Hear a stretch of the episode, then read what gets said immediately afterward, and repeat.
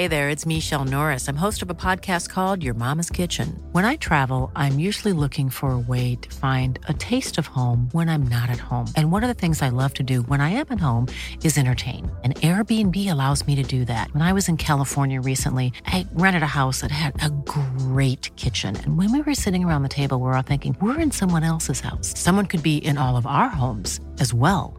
If you have a home, but you're not always at home, you have an Airbnb. Your home might be worth more than you think. Find out how much at airbnb.com/slash host. A lot can happen in the next three years. Like a chatbot may be your new best friend. But what won't change? Needing health insurance. United Healthcare Tri Term Medical Plans are available for these changing times. Underwritten by Golden Rule Insurance Company, they offer budget friendly, flexible coverage for people who are in between jobs or missed open enrollment. The plans last nearly three years in some states, with access to a nationwide network of doctors and hospitals. So, for whatever tomorrow brings, United Healthcare Tri Term Medical Plans may be for you. Learn more at uh1.com. Prinsesse Märtha Louise, kronprinsesse Mette-Marit og sønnen hennes Marius Borg Høiby er medlemmer av kongefamilien og gir av sitt liv på sosiale medier. Hvordan skal journalistene dekke kongehuset når de kongelige dekker seg selv på Instagram? Og så lurer jeg på, hvorfor er det mediene i USA som utroper hvem som har vunnet presidentvalget? Det lurer jeg på denne uken. Og dette her er altså Tut og mediekjør, en podkastserie som eh, går bak nyhetsoverskriftene for å gi deg litt mer informasjon om hvordan nyhetene lages, så du kan skjønne litt mer hva journalistene driver på med. Svein Tore Bergstuen, velkommen. Hei, hei. Eva Sandum, velkommen. Hei, hei. Og vi begynner jo som alltid med hjertesukk. Eva, vær så god, din tur. Ja, det var ekte hjertesukk fra Svein Tore der, men det er ikke din tur ennå, vet du. Nei, det er ikke det. Nei. Hjertesukk fra Ja. denne uken. Nei, altså, jeg føler meg litt tom for hjertesukk. Jeg føler jeg har vært ute og sukka så mye denne uka her. Det har du. Det har du. Ja. Ja, men eh, du har jo også eh, vært ute og kritisert Lindmo for eh, intervjuet hun gjorde med Sigrid Bonde Tusvik. Ja, for vi skrev et innlegg på vår eh, Facebook-side hvor vi stilte litt spørsmål ved rollen til NRK i den forbindelse, fordi det var litt lite kritiske spørsmål da Sigrid Bonde Tusvik var gjest. Mm. Eh, Spørsmål som folk kanskje forventa seg svar på.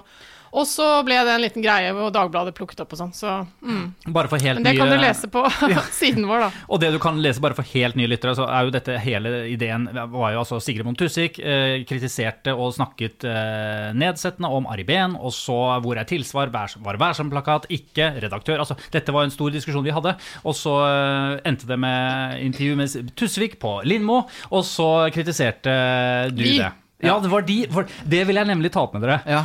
Fordi jeg eh, meldte meg jo inhabil i vår episode når vi omtalte Tusvik og Tønne. ja, fordi du er venninne med Sigrid Bonde Tusvik. Ja. ja. Venninne med, ja. Venninne med det. Så vi spurte ikke deg da vi, da vi eh, formulerte denne kritikken. Nei, dere gjorde ikke det. Og da var det sånn, Men det var jo Tut og Mediekjør fortsatt som, som sto bak. Mm. Så da lurte jeg litt på sånn Er jeg da Da er jo ikke jeg strengt tatt inhabil lenger der ute. Du blir tatt i med i dragsuget. Det, Ja, det det, må da. du bare tåle. Nei da, Ja. men uh, bare for å Jeg mener jo at uh, dersom vi i Tut og Mediekjør uh, kritiserer eh, noe Lindmo og NRK gjør, så er du jo ikke fullt så inhabil som selv om saken handler om Din samarbeidspartner. Tusvik, Nei. så tenker jeg at den kritikken på vår Facebook-side handlet jo mer om NRKs rolle og det programmet sin rolle enn om eh, din venninne. Men kan folk forvente mer eh, spalteplass på Tut og Mediekjør-representanter i eh, framtida? Er det det vi skal? Skal vi gå ut utover denne podkasten? Vi skal kanskje det? Det er vel kanskje noe av det vi Vi har jo lyst til å spre Spre det Ja, vi holder på med. Det det. Så er ikke det positivt, da? Skal vi bare fortsette med det, eller? Ja da, vi, det Ja. kan vi gjøre. Vi Skrive stiller Jeg- spørsmål der vi føler at det er på sin plass, da. Ja. Det er, jo, er ikke det litt rollen vår, da? Jo da. Jeg er inhabil. Selv om det er litt vondt å kritisere andre. Det er ikke så lett, det. Ja, For de som eh, ikke har gjort det der før, eh, det er ikke bare I hvert fall vi er ikke skrudd sammen noe sånn, noen av oss, at vi syns at, at vi har noe spesiell glede ved å filleriste folk eh, Nei, offentlig. det var ikke dette filleristing heller. Nei, Men, nei, eh, det er sant. men Men det jeg er ikke tror eh, stort sett så er mediefolk ganske vant med eh, konstruktiv kritikk og det å ha en åpen debatt om sitt eget fag, da. Tenker jeg. Og så kan det hende at personer ikke tar det så bra og sånn. F.eks. Så har ikke Anne Lindmo selv svart på dette, det er jo redaksjonssjefen som gjør det. Eh, men, eh, men eh, jeg tror at i mediebransjen så er man liksom ganske godt vant med å drive og kritisere hverandre litt. Noen tar det personlig, men de aller fleste tar det profesjonelt. Ja.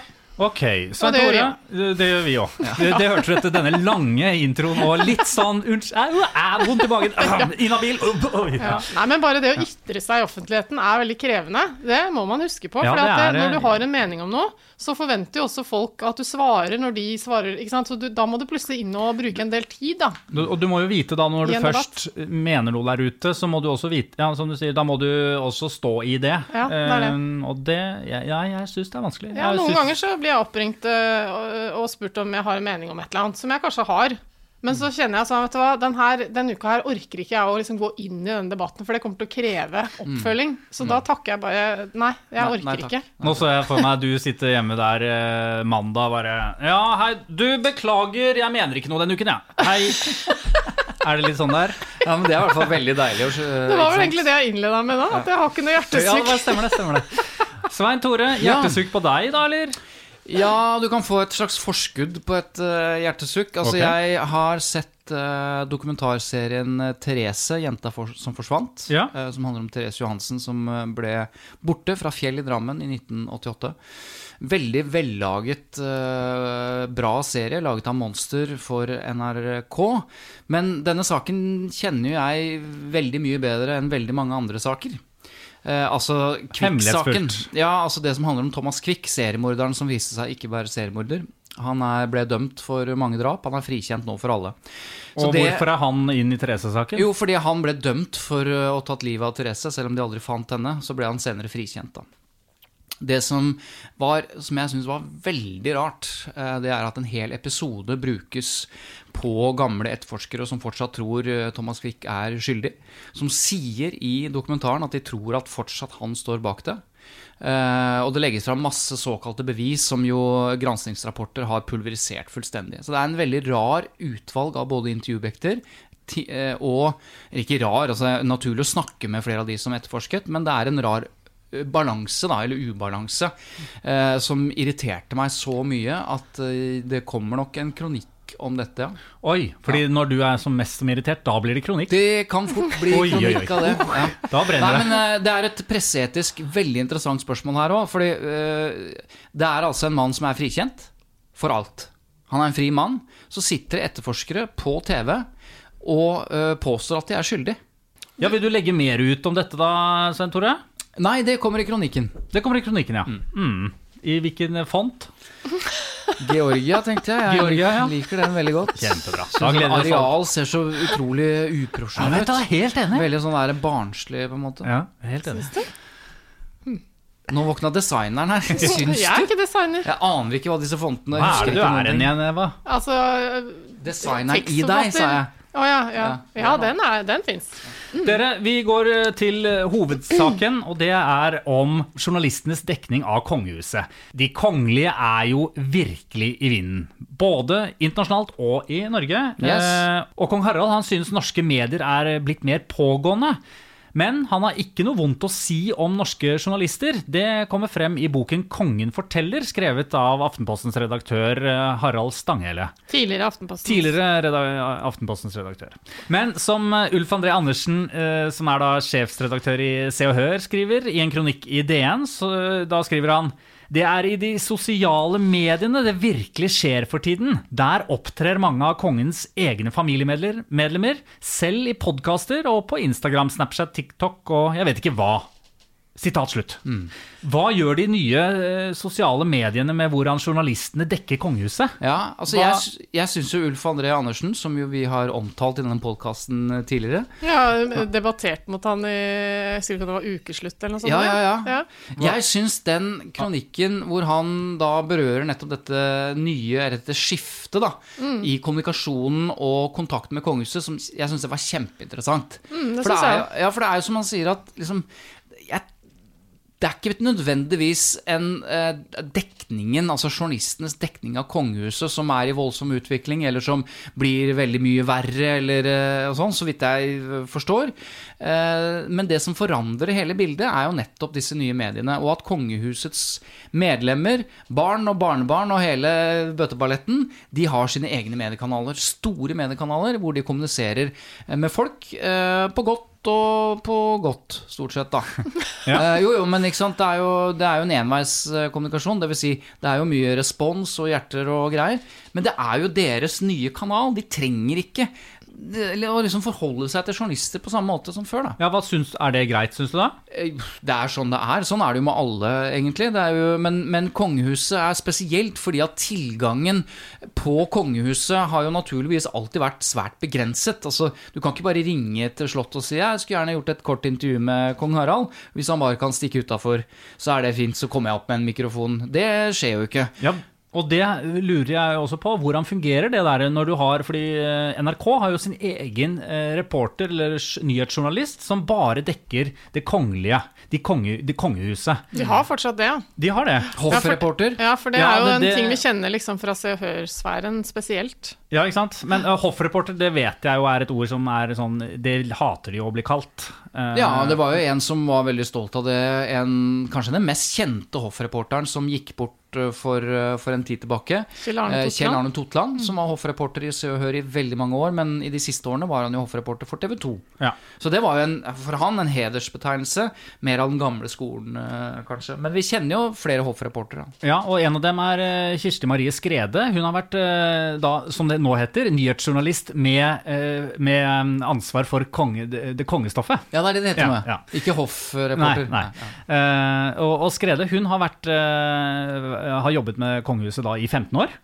Og dette sier hun om hvordan hun jobber opp mot kongehuset. Hvis en skal dele inn vårt arbeid, så er det både det å dekke det arbeidet de gjør, og følge de, de aktivitetene de holder på med, og så er det å prøve å få disse eksklusive innsmetta der de snakker om ting, og der vi kan fortelle mer om hvem de er, og bli mer kjent med dem. Og så har du de store anledningene, eh, 80-årsdager og eh, jubileum og sånne ting, der NRK slår litt på stortromma og har store sendinger. Så vi jobber så veldig, på så veldig mange forskjellige vis. Og da er min rolle òg forskjellig. Noen ganger er jeg nyhetsjournalist og stiller kritiske spørsmål om yachthistorier, f.eks. Og andre ganger så er jeg litt mer seremonimester når prinsesse Ingrid Alessandra blir konfirmert. Sant? Sånn at det, det er så veldig eh, ulike sider, det å jobbe med kongehuset for NRK. Du har jo jobbet eh, opp mot kongehuset da i 14-15 år, som du sier. Eh, hva har endret seg på disse årene som du opplever det? det, vi er ikke så mange som jobber mot eh, kongehuset. Da jeg begynte, så var det flere journalister som, eh, som eh, var med på reise, og som dekka de kongelige. Det er ikke så veldig mange lenger.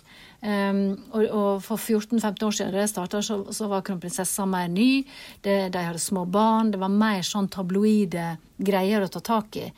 Um, uh, så så det, det har forandra seg veldig. Det er ikke så hot eh, som det, som det var. Ja, og kanskje er det ikke noen slåsskamp lenger, nei, for å få de beste kongehussakene. Jeg registrerer i hvert fall at i ukebladene så er det liksom ikke det samme trøkket. Hvorfor er det ikke det, hva? Du har jo en viss kongelig erfaring. Ja, der må jeg jo kanskje stille spørsmål ved premisset ditt, egentlig. Oh, ja. For at uh, hvis du ser i ukebladene, så stemmer vel ikke det du sier. Der er det vel fortsatt uh, ja, ja, veldig stor nei. interesse for de kongelige. Jeg, Det var mer når jeg den er i butikken, så konkurransen, syns jeg jo eh, se- Jeg tror det faktisk er sånn at det nesten i hver eneste utgave av Se og Hør, eksempel, ja.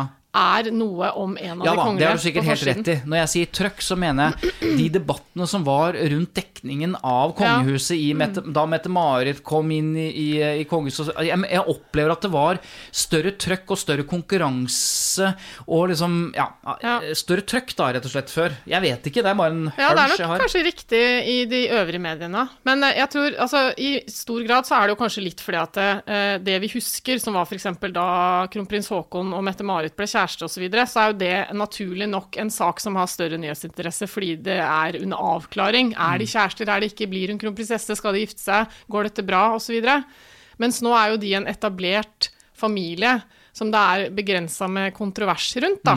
Så det er nok Mm. Ja. forklaringen der. Men så ser vi jo at uh, det er andre i kongefamilien som det er litt mer kontrovers rundt, og da er det jo inni Ja, det er klart. Med hele, med hele altså Ari Behn og Märtha Louise den gangen de var gift og ble skilt osv. Det var jo Ja. selvfølgelig mye. Og nå med Durek, nye Ja. kjæresten til Märtha. Jo, det tar tilbake litt. Det er jo greit trøkk fortsatt. Jeg husker, men jeg husker det var men- veldig mye trøkk eh, når prins Philip Han eh, hadde, var jo sammen med en fra Norge. Ja, stemmer det. Ja. Ja, Da var det en del uh, trøkk der òg. Ja, Prins Philip? ja, Som er kong Philip nå, da. Å ja, i Spania, ja. Ja, Han som var sammen med hun derre Sandum. Eva Sandum, ja. Ja, ja, ja. Da var det trøkk. Ja, Da var det stemmer det. skikkelig trøkk. ja. Hvor trøkk var det da, Eva? Er det, er det, altså, dette er lureri. Du skal prøve å få et sånt portrettintervju med meg? Er det det som er planen din her Der avslørte hun eh, Du hadde ikke gjort premisset Det var klart for nesten, intervjuet. da. Ja. Ja, nei, men altså, Men det vi skulle snakke om, det var hvordan, hvordan Jeg kan når- si én ting til Ja, det, ok. eh, relatert til det som du starta med, ikke sant, med sosiale medier, som han eh, sjefredaktøren i Se og Hør, Ulf, eh, også skriver. At på den tiden eh, hvor jeg var i vinden, eller hva man skal si, Hvor du var eh, mer en venninne, da, til eh, så Ja, okay. fantes jo ikke sosiale medier. Ikke Nei, ikke. Så, og det er jo det som betegner den tida der, er jo da at den eneste kontakten mellom de kongelige da, og de rundt dem, og folk, var jo mediene. Så det var jo mediene som fant ut av og rapporterte om hva som skjedde, og prøvde å grave i hva er sannheten, og prøvde å få tak i bilder og avsløre ting og sånn. Mens nå er det jo en helt annen vei inn til alle de kongelige. De fleste, i hvert fall. Du, altså Hvis du følger Märtha Louise eller eh, kronprinsesse Mette-Marit og sånn i sosiale medier, så får du jo veldig følelsen av at det er vanlige folk som poster akkurat som alle andre norske familier. ikke sant? Når de er på tur og ferier, og her er barna, og i dag har vi spist sånn og sånn. Altså Det er veldig sånn hverdagslige ting eh, ofte. Eh, og det er nok litt spesielt i Norge, tror jeg også, at de er såpass eh, sharing, da. For at uh, Nå har ikke jeg oversikt over dette, men jeg tror ikke at det er uh, så stort trøkk i sosiale medier blant de kongelige i alle andre av Europas kongehus. Nei. Det tror jeg faktisk ikke. Okay. Ok, det er fordi En av de som jo har vært veldig ute, er jo Marius Borg Høiby. Ja. Nå er jo ikke han kongelig, da. Nei, han er jo ikke det. Men likevel så har han jo vært uh, veldig ute på sine egne konti. Ja, Han er jo en del av kongefamilien, det er han jo, på en måte. Ja. Og det er det det heter. Han er en del av kongefamilien, men ikke kongelig. Det er riktig, ja. Ja. Og jeg spurte Skrede nettopp om hvordan uh, da hun som nyhetsjournalist um, forholder seg til nettopp at eh, Marius Borg Høiby gir masse ut i, på Instagram, uh, men likevel er en del av kongelige, men ikke. Dette svarte hun da. Altså, Marius Borg Høiby har jo ikke noe formell rolle i kongehuset. Han er sønnen til kronprinsesse Mette-Marit og har, har bedt om ikke å bli fokusert på i særlig grad. Så NRKs holdning har jo vært at så lenge han eh, ikke har noen rolle, så, så, så toner vi det ned. Um, vi, vi springer ikke etter han og, og filmer eller, eller gjør sånn. Um, eh, og at en ung mann på vei ut i verden også må få være litt i fred eh, når han ikke har ei offentlig rolle. Og det, det gjelder jo alle ungdommene, for nå er det jo masse ungdommer knytta til kongefamilien. Eh, Kronprinsparet sine to barn er tenåringer, og Märtha Louise sine barn er, er, er tenåringer. Eh, og Marius Borg Høiby er en ung mann i 20-åra. De må få eh, tid til å være ungdommer og unge. Og der, der henger nok ikke vi så tett på. Eh, og vi har hatt diskusjoner om hva gjør vi når eh, 15-åringen til prinsesse Märtha Louise er influenser, åpenbart, på Instagram, eh, med sminke og klær. Eh, og vi har valgt å ikke lage saker på det. For hun er 15 år, og så spør vi gjennom mor sine kanaler om kommentarer til det her, der vi ikke snakker om det. det sånn, og så lar vi det være. Og så stiller jeg opp på TV 2, men det får nå være deres valg, da.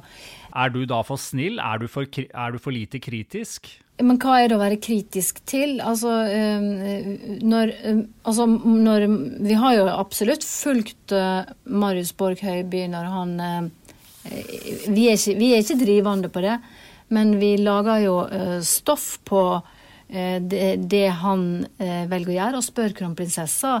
Eh, det gjorde vi Jeg husker ikke helt når det var, men vi var borte i Baltikum. eh, Da Marius ble redaktør for eh, dette magasinet i London, og stilte spørsmålet om den dobbeltkommunikasjonen. Nei, vil ikke være eh, offentlig, men ja, blir redaktør av et magasin. Og da er det kronprinsessa vi stiller spørsmål til om, eh, om det. Um, og så prøvde vi å få prate med han, men han, han ville ikke det. Så, men det, det er, jeg ser at det der er noen dilemma knytta til det. Uh, men så lenge han holder seg på rett side av lova, ikke gjør noe gale og alt det der, eh, så har ikke NRK noe grunn til å, å jakte på historie om hvordan han former sitt liv. Han er en ung mann og må få, få ro rundt det, da. Jeg syns eh, det må være veldig vanskelig å være en journalist som skal dekke kongehuset. Mm. Fordi du har på en måte eh, den ene biten hvor du, hvor du, skal på en måte informere om hva de gjør, mens du samtidig skal være kritisk. Ja. Um, og det snakket også Skrede litt om, hvordan hun takler det. Og hva hun, hva hun uh, må tenke på. utfordringene med nettopp å være sånn kongelig journalist. Det jeg har lært mm, mest sjøl, det at jeg alltid må ha med det kritiske samfunnsblikket i det jeg, eh, når jeg dekker kongehuset. Jeg ser på det som samfunnsstoff. Eh, det er mitt oppdrag. Historia skal være større enn bare den kongelige, hvis du skjønner hva jeg mener.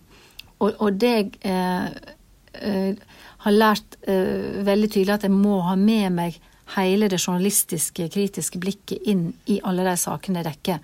Men den, den, eh, den, balansegangen du snakker om her nå, det å være eh, komme tett på, men samtidig være kritisk. Eh, hvordan klarer du å være kritisk da? Ja, Det er jo et godt spørsmål, det. Men jeg, jeg, jeg Altså, jeg opplever at jeg um, At det er saklig og rettferdig å stille de spørsmålene jeg skal stille. Uh, og at jeg er ikke noen personlig venn. Det blir jo ikke personlig. Uh, at jeg er der som journalist hele veien. Ja, jeg syns det er veldig interessant eh, egentlig å høre Kirsti Marie Skrede fortelle om det. For hun jobber jo da i et nyhets... Eh, et mediehus som NRK, ikke sant. Og så er det Det som jeg har tenkt litt på eh, i det siste, er jo også at Se og Hør, f.eks., har jo noe av det samme som motivasjon. At de, skal, de bedriver sånn kritisk journalistikk de òg noen ganger, når de har en reportasje om at eh, kongefamilien er på en dyr ferie her, og se hvor mye penger det brukes, og se hvem de henger med, og Ja, eller og sånn, bruk av prinsessetitteldiskusjonen ja, og så så det er veldig mye av liksom, sakene eh, som har eh, en god journalistisk eh, grunn til å bli tatt opp, egentlig, da. Men mm. så tror jeg liksom, det forsvinner litt i formen. Mm. I et ukeblad, fordi det blir så utrolig sånn tabloid og tendensiøst, og det blir sånn bikinibilder. Du får liksom den paparazzi-følelsen i mye større grad enn at du faktisk reflekterer over at oi, her er det kanskje noe kritikkverdig, da. Men, eh, men jeg tenker noe av problemet med å være kritisk til en så populær institusjon som kongefamilien, det er nettopp det. At de er så populære. Så med en gang journalister er, stiller kritiske spørsmål til kongefamilien, så har de på en måte ikke alltid leserne sine med seg på det. Altså, det er i hvert fall mitt inntrykk. at Sånn som Dagbladet, da, som er en, eh, liksom, en liberal, eh, venstreorientert liberal, eller i hvert fall en liberal, eh, og ikke monark, monarkistisk avis. Da. De er en replikansk utgangspunkt. ikke sant? De har jo stilt masse, masse kritiske ja, spørsmål. De laget, og de har lagd god journalistikk også, på bl.a. pengebruk osv. Men de får liksom ikke, akkurat som Nei. SV, får ikke med seg Stortinget på å avskaffe kongefamilien. Altså, selv, om, eh, selv, om, det rent prinsipielt er viktig osv. Så, videre. så noe av problemet med eh, tror jeg, å drive kritisk journalistikk, noe av hvert fall problemet, kan være nettopp at man har Man mangler litt legitimitet. For folket vil egentlig bare at de, Ha fine kjoler! Ja, de, de, de, de, er så populære, de er flinke folk. Eh, la de være i fred. Det er litt uh, utfordring. Men så har jeg bare lyst til å si, uh, bare for å sitere egentlig han som vi startet med, også Ulf André, som er sjefredaktør i Se og Hør, som skriver i kronikken sin at kongefamiliens egne nye kommunikasjonsplattformer bringer dem tettere på oss vanlige, men er også med på å viske ut skillet på mm. hva som er offentlig og privat. Mm. Og det, ha, det, forandrer på en måte Det kan forandre ganske mye. Der har han et poeng. Definitivt. Ja, et kjempegodt poeng. Fordi det var ikke noe problem all den tid journalistene lagde vanlig journalistikk. Mm. Da viskes det ikke ut noe skille mellom privat og offentlig. Du har noen grensedragninger hvor kongefamilien mener at det har gått for tett, og da skjønner alle det. Men når kongefamilien selv leverer ting som som jeg tenker aldri pressen ville fått tilgang til hvis, hvis de hadde på måte vært på pressens premisser. Da begynner ting å forandre seg litt, og det må også pressen forholde seg til. De må rapportere, de må informere, og de må jo bruke noe av dette som kommer. Men hvordan skal de bruke det? Men hvordan skal de bruke det som kommer i sosiale medier, osv. Og så er jeg jo redd for at det kan også skape større avstand også. Fordi at eh, det blir sånn at nei, det, det, det jeg har sagt om dette, det står på Instagram. Det er det jo politikere som også Absolutt. tyr til. Men det er enda Men, eh, lettere kanskje for kongefamilien, som allerede er litt utilgjengelig, da. Ja, og det er jo en viss fare da, for at det er en parallell eh, til det vi diskuterte rundt podkasten til Tusvik og Tønne, når vi kritiserte uttalelsen dem, dems om at eh, ja, men dette er jo bare en privat samtale vi har i, i vårt private rom, så vi må få lov å si hva vi vil, var liksom kort oppsummert eh, et svar fra dem.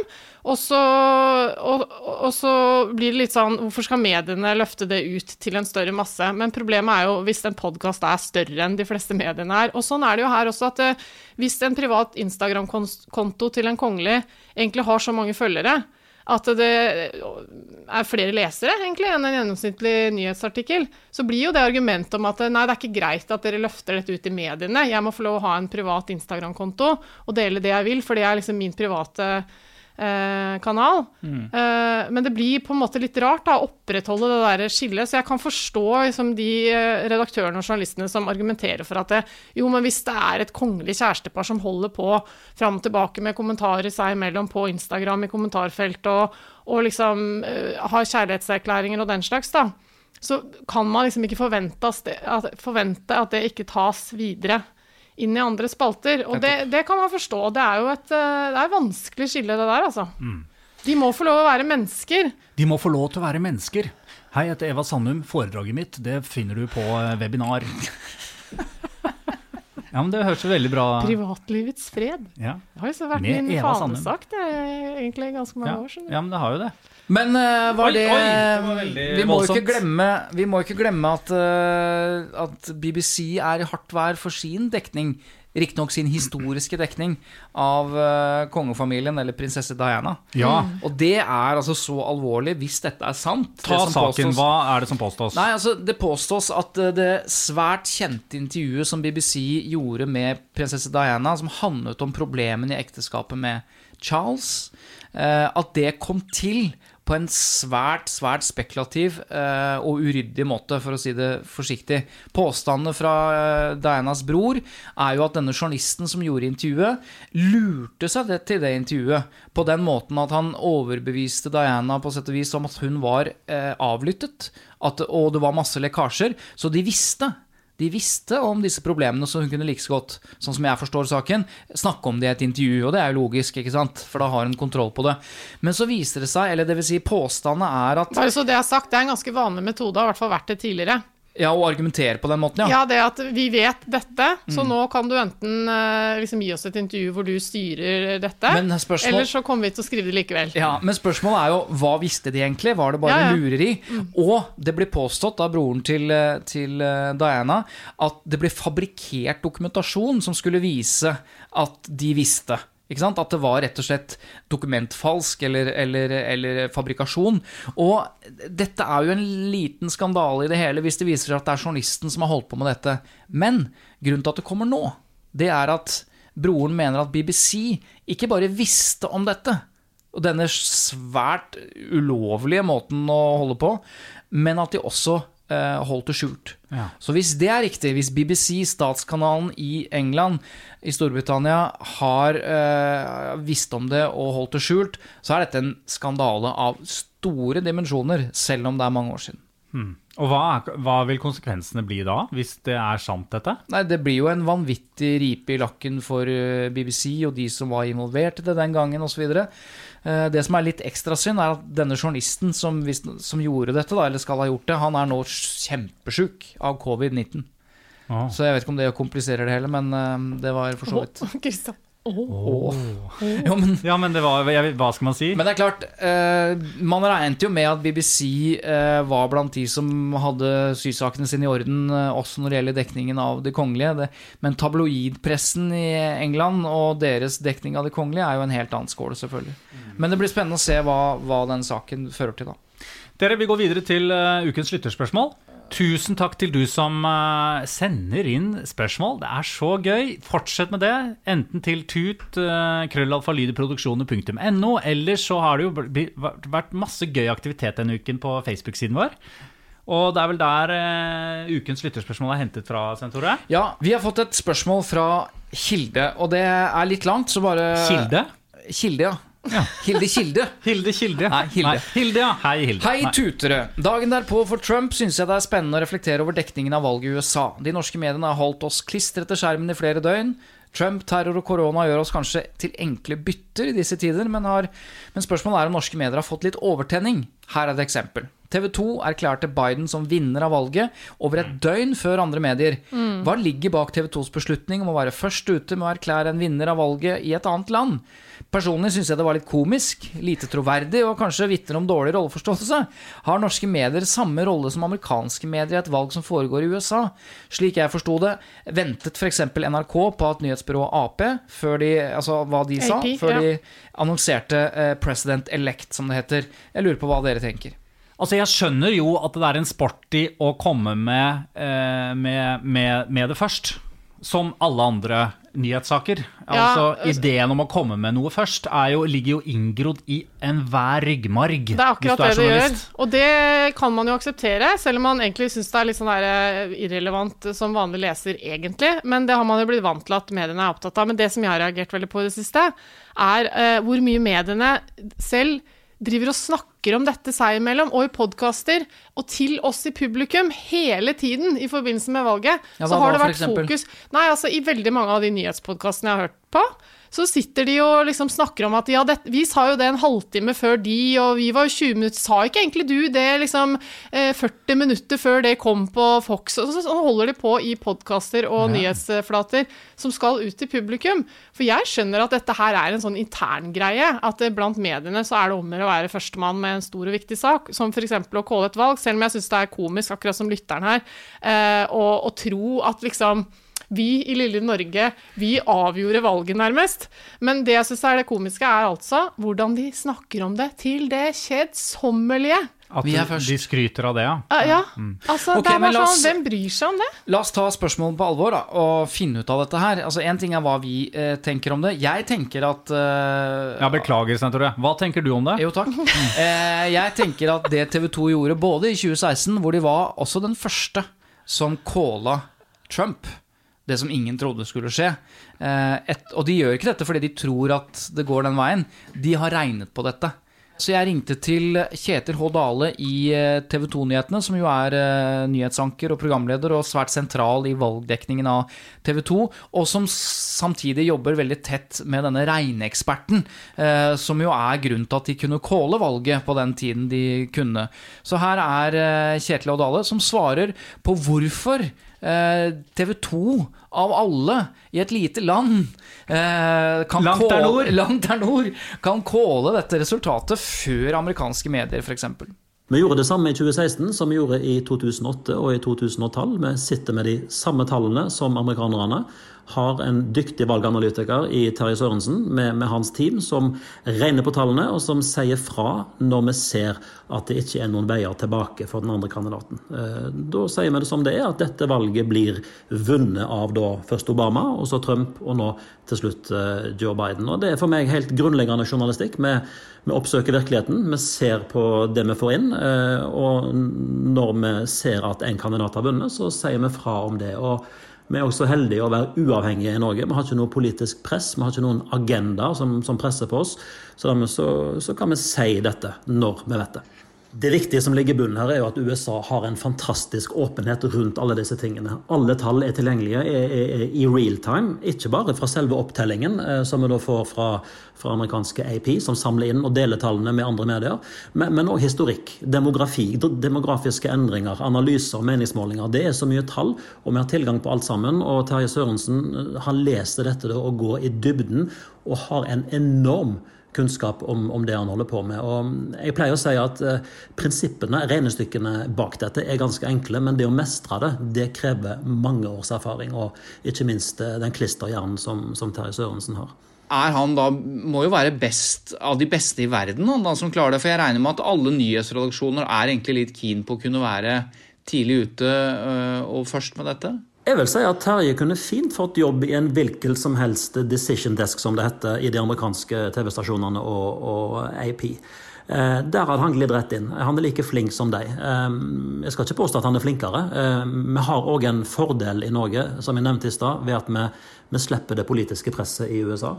Eh, disse talldeskene i USA de blir oppringt kontinuerlig av, av folk fra, fra, begge partier, som hele tiden har meninger og påstander og ber de om å vente eller ber de om å se på det, eller 'dette tallet er feil'. De, de, de sitter under et enormt press å og jobber. Og så har de òg nærmest fått en konstitusjonell rolle, der, der, eh, politikerne har jo helt fram til i år agert på det TV-kanalene og AP sier. Når, når, Hillary Clinton innrømmer nederlag osv., så, videre, så er det basert på det mediene rapporterer, og, og ikke på offisielle tall. Så, så, de må være sikre, men det må òg vi. Og det er ikke noe poeng for oss å være først. Poenget for oss er å være sikre og ha full kontroll og gode marginer på det vi holder på med. Dette var altså Kjetil H. Dale i eh, TV 2-nyhetene.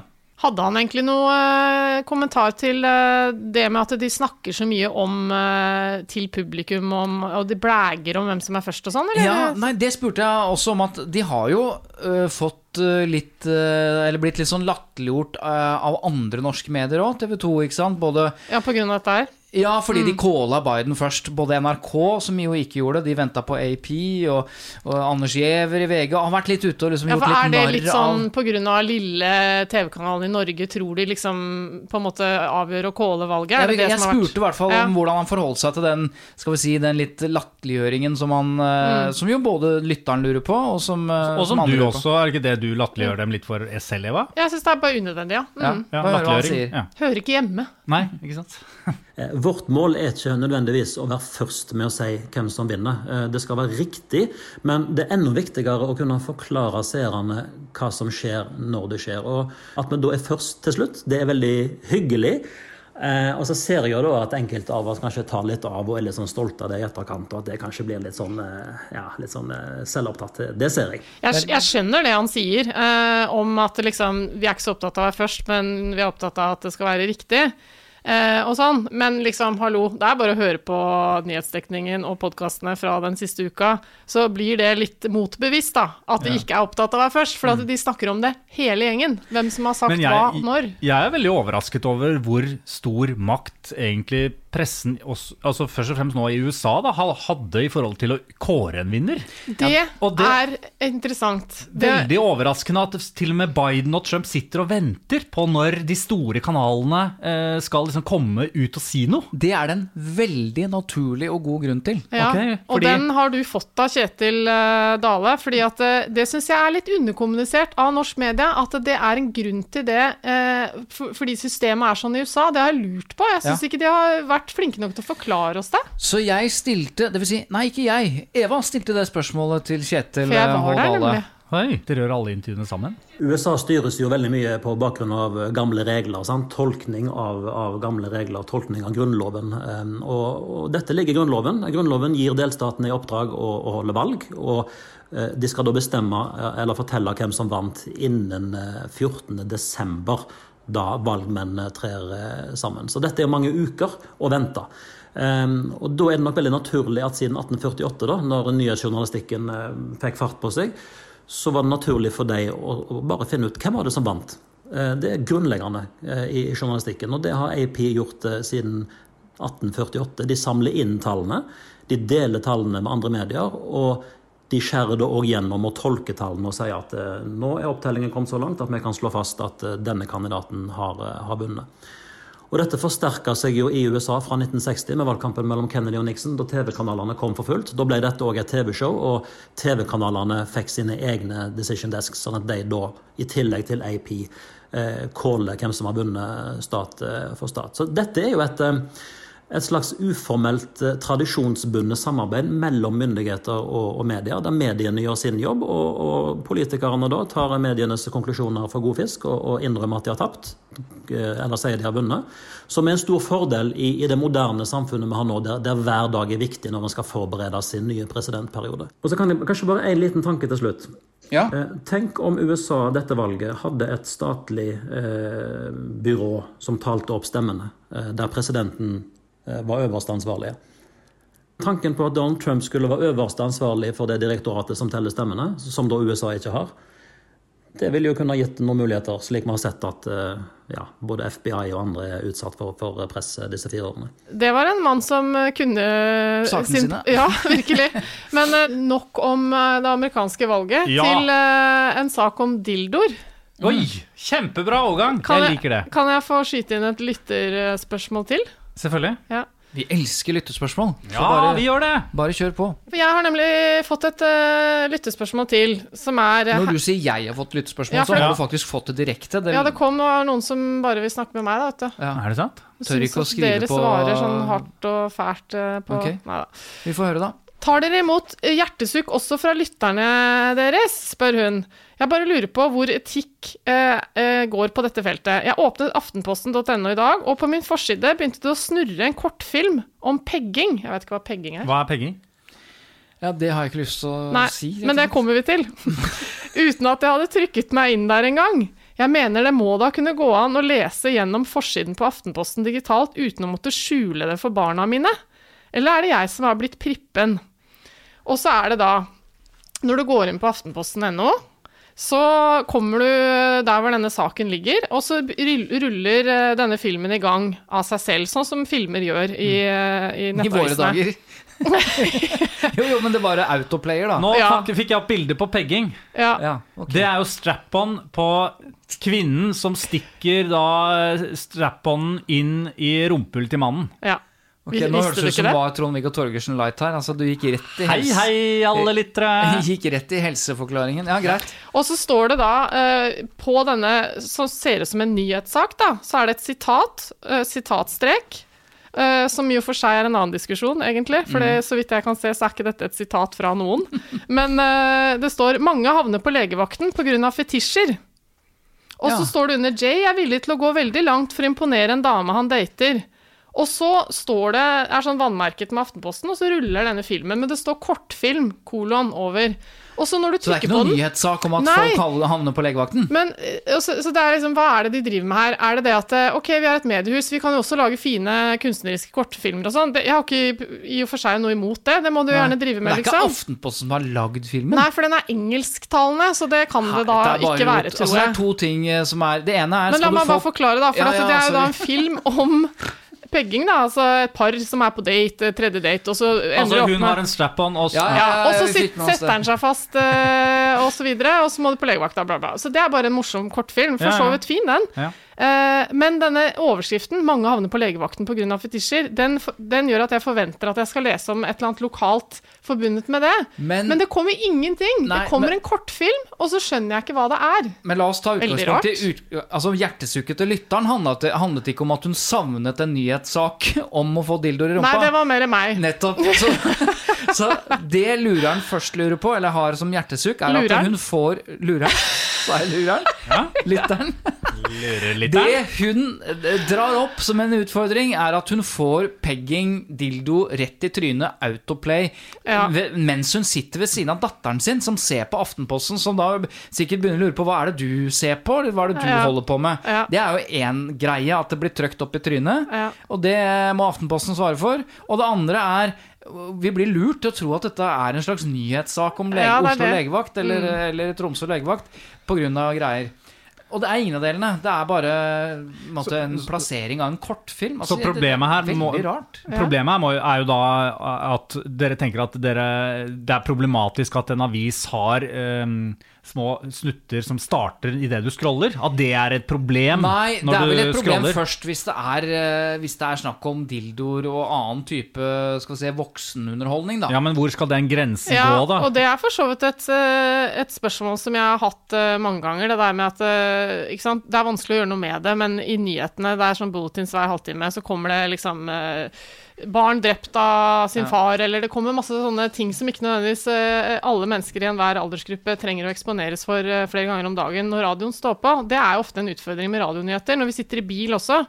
Så, men det er liksom Det er litt men, vanskelig men, å men, men dere, her ta hensyn regler. til, da. Det fins regler. Ja, hva er det, da? Jo, reglene er at Og dette handler om når på tid av døgnet osv. Og, så og hvis det er Altså, Mentilsynet forvalter disse reglene. Det handler jo om f.eks. når det gjelder TV, så, skal det, så må du vente til klokka etter klokka ni, tror jeg det er, eller etter åtte eller etter ni, med å sende ting som kan være eh, støtende, eller det som ville vært en aldersgrense på i en tenkt film. da. På samme måte så fins det jo regler for ting som du ikke har oppsøkt. ikke sant? Hvis du ikke oppsøker, trykker, leter fram. Det er forskjell på det og det som bare dukker opp på fronten på, på Aftenposten. Fronten på Aftenposten og alle andre fronter, de må vurdere bildene sine på fronten med utgangspunkt i at barn ser det. Men eh, så er det noe annet hvis du må oppsøke, og, i- og i så fall innenfor plussabonnementer osv. Så, videre. så her er utfordringen først at det kommer noe som er absolutt ment for voksne, rett i fleisen. Det er det hun Ja. tar opp. Jeg syns Ja, det er et rimelig det, poeng. det er egentlig en lang og diskusjon vi kunne tatt eh, i seg selv, det, altså. For at jeg tror de reglene du viser til nå, de slurves det mye med. Og så er spørsmålet som jeg syns er kanskje enda mer interessant sånn, eh, sånn pressemessig, er at Hva er pegging? hva er pegging? Ja. Nei, hva Det er eh, med strappen også. Det er at det ser ut Det, det- det kler seg ut uh, som en sak.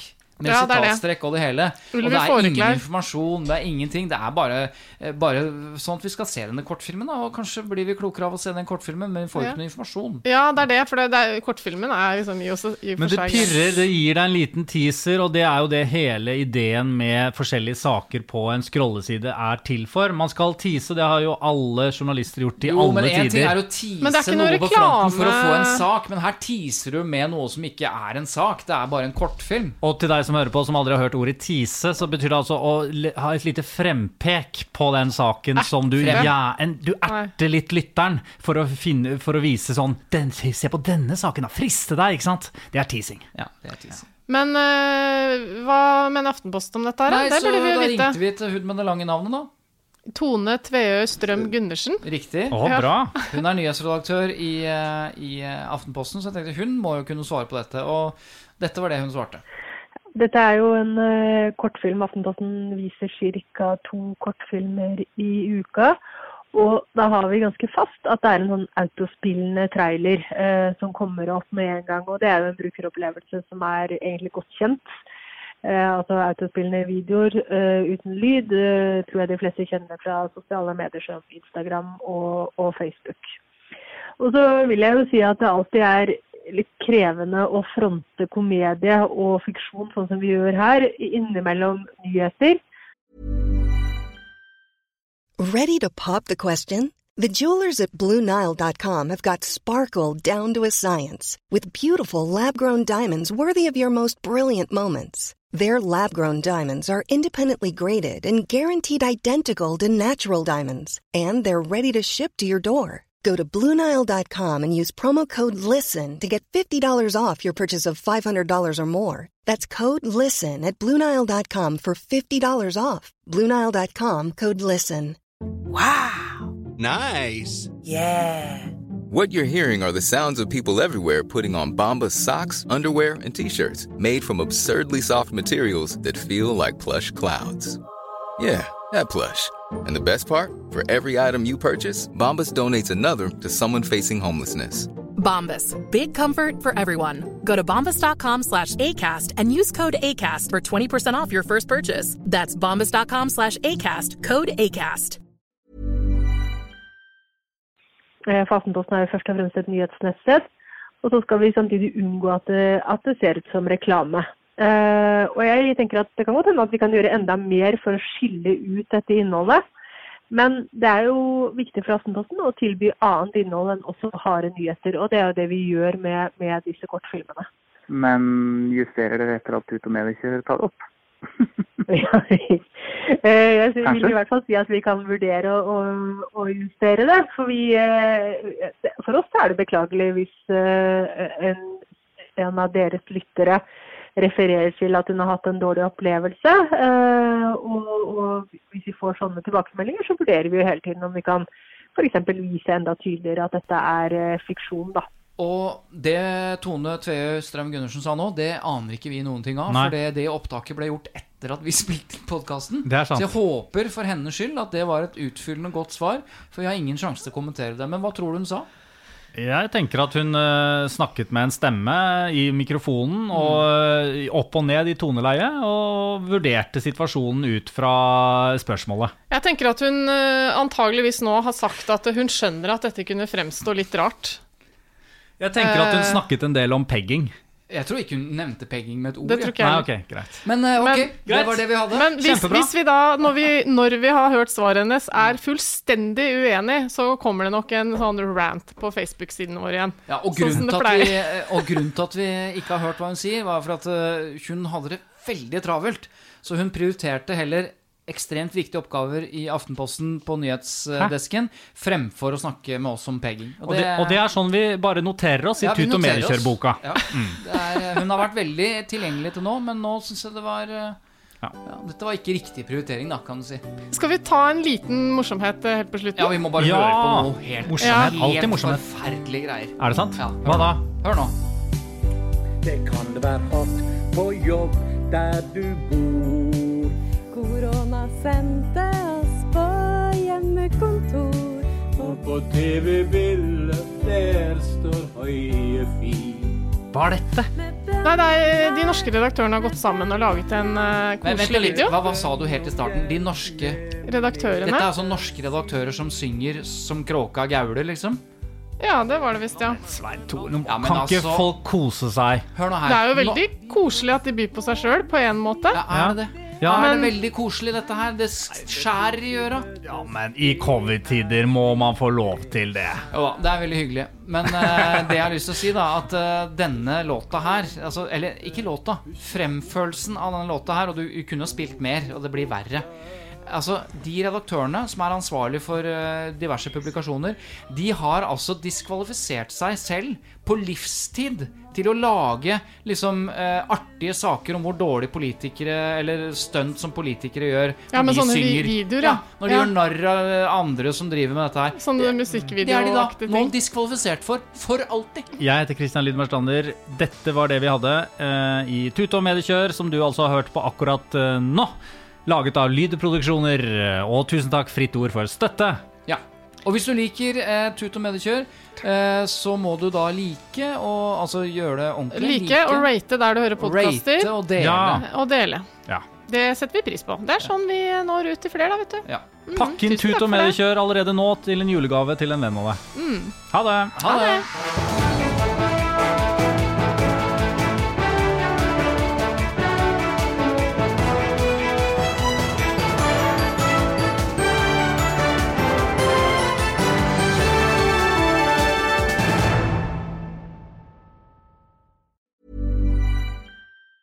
A lot can happen in the next three years. Like a chatbot may be your new best friend. But what won't change? Needing health insurance. United Healthcare Tri Term Medical Plans are available for these changing times.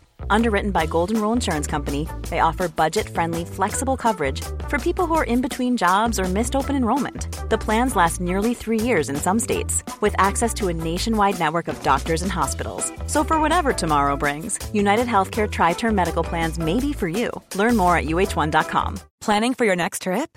Elevate your travel style with Quince. Quince has all the jet setting essentials you'll want for your next getaway, like European linen, premium luggage options, buttery soft Italian leather bags, and so much more. And is all priced at 50 to 80% less than similar brands. Plus, Quince only works with factories that use safe and ethical manufacturing practices. Pack your bags with high-quality essentials you'll be wearing for vacations to come with Quince. Go to quince.com slash pack for free shipping and 365-day returns.